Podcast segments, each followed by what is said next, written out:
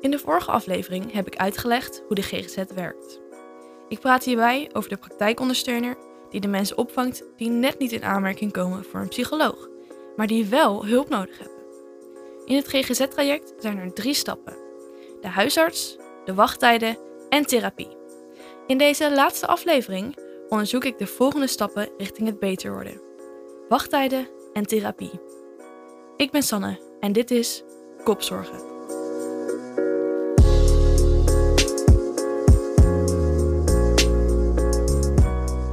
Als je wordt doorverwezen door een huisarts of praktijkondersteuner, waar we het de vorige aflevering ook over hebben gehad, kom je op een wachtlijst voor een intakegesprek. De intake heb je met een psycholoog. En daarna wordt je casus bij een multidisciplinair overleg neergelegd. Hier overlegt de psycholoog met de andere mensen uit haar team wie je het beste kan helpen. Dan kom je weer op een wachtlijst voor de startbehandeling. Deze wachttijden verschillen van een week tot langer dan een jaar. Als je daar vanaf bent, heb je je eerste gesprek met jouw behandelaar.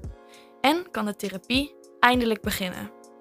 Om erachter te komen waarom die wachttijden zo lang zijn, ga ik langs bij Michelle Timmermans. Zij is zorgmanager team angst, dwang en posttraumatische stressstoornis binnen ProPersona. En zorgmanager van Indigo Veluwe Vallei.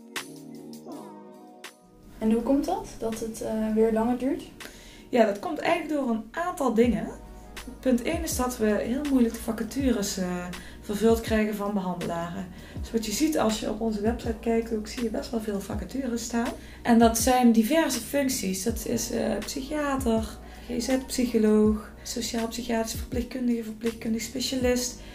Nou, ik noem nu een aantal functies die zijn heel moeilijk te vervullen. En in sommige zorgprogramma's is het nog moeilijker te vervullen. Waardoor je dus uh, onder formatie werkt, dan dat er begroot is.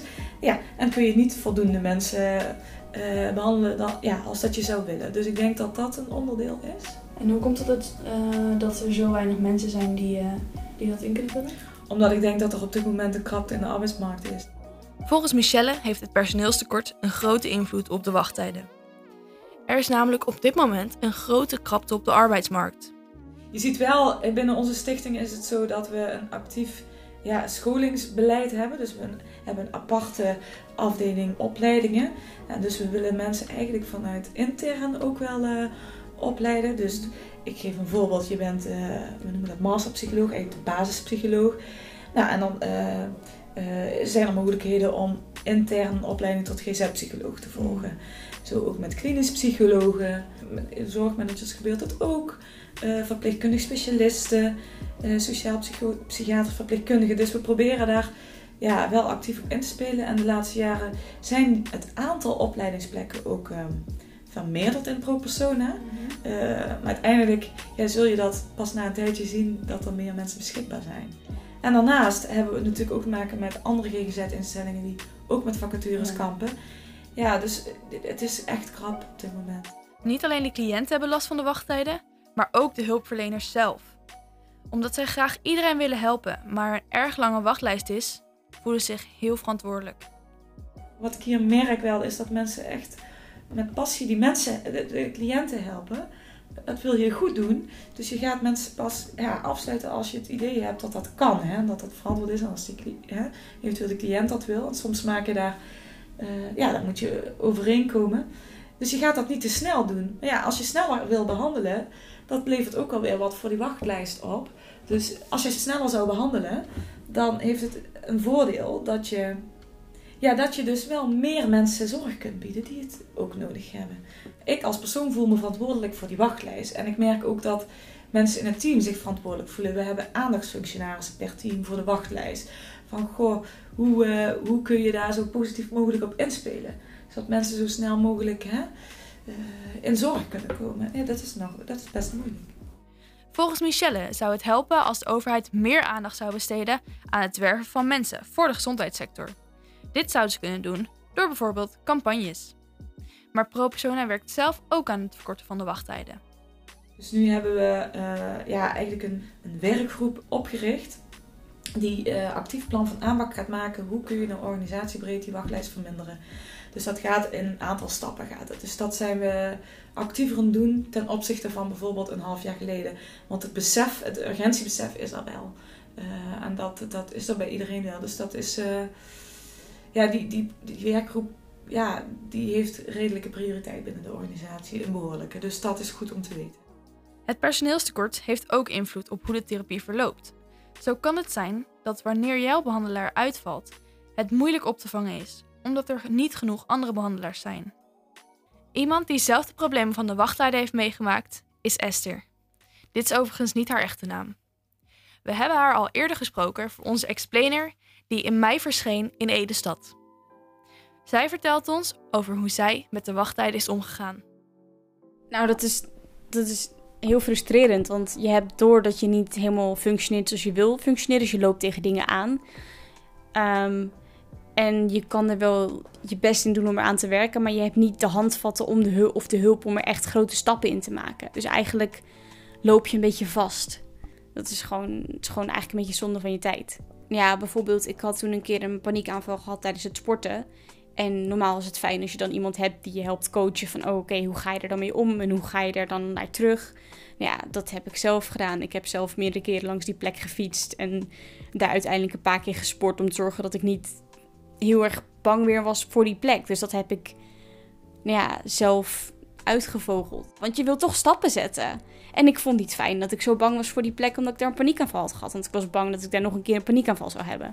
Dus nou ja, toen dacht ik, ja, dat wil ik niet. Dus dan heb je toch een drive om te leren. Dus dan ga je dat zelf proberen. Maar dat, dat, lukt, dat lukte met dat deel. Maar met andere, andere dingen die zo diep en zo lang zijn, daar heb je gewoon hulp voor nodig.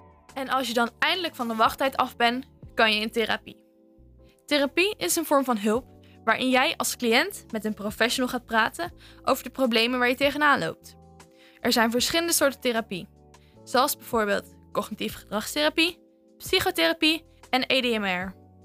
In de basis komt erop neer dat jij met een professional in gesprek gaat die jou kan helpen om op een gezonde manier met jouw complexe gevoelens en gedachten om te gaan. Bij therapie geef je jezelf bloot en ben je kwetsbaar. En wat ik bij de mensen die ik de afgelopen week heb gesproken vaak hoorde terugkomen, is dat veel verschillende therapeuten slecht is voor je herstel. Zo had Esther in anderhalf jaar tijd zeven verschillende psychologen. De eerste groep is uit elkaar gevallen omdat het een, een therapeut ziek werd en de andere um, met zwangerschapsverlof ging. De tweede groep is ook iemand met zwangerschapsverlof gegaan. Dus met alle invallers en verschillende therapeuten heb ik er in totaal met de intake heb ik uh, daar zeven therapeuten gezien. Ja, het, het, het belemmert je wel. Want um, Sowieso kost het heel veel tijd, omdat je iedere keer aan een nieuwe therapeut, vooral een individuele therapeut, moet vertellen: nou ja, waar heb je precies last van? Hoe was je opvoeding? Hoe gaan je ouders met je om? Dus het kost heel veel tijd. Je bent gewoon twee dikke sessies bezig om die ander weer bij te praten met waar je zit in je proces. Dus dat kost gewoon heel veel tijd. En ook gewoon, het is ook wel een vertrouwenskwestie. Van, nou ja, je vertrouwt iemand en je deelt heel veel met iemand en iemand gaat mee in je proces. En dan, nou ja, vindt iemand anders uh, wil graag een kindje, wat ik heel goed snap. Maar dat is wel jammer als iemand dan weggaat. Dat zorgt er wel voor dat je weer nou ja, moet wennen aan een nieuwe therapeut. En dat, dat kost wel energie. En dat verlangzaamt ook je proces, omdat je gewoon weer moet wennen aan iemands werkswijze en weer vertrouwen moet krijgen in iemand. Want mijn um, originele groep is gestopt omdat, omdat ze niet genoeg therapeuten hadden om dat te vullen. En onze groep was al dermate uit elkaar gevallen dat ze dachten, ja, dan stoppen we met jullie groep.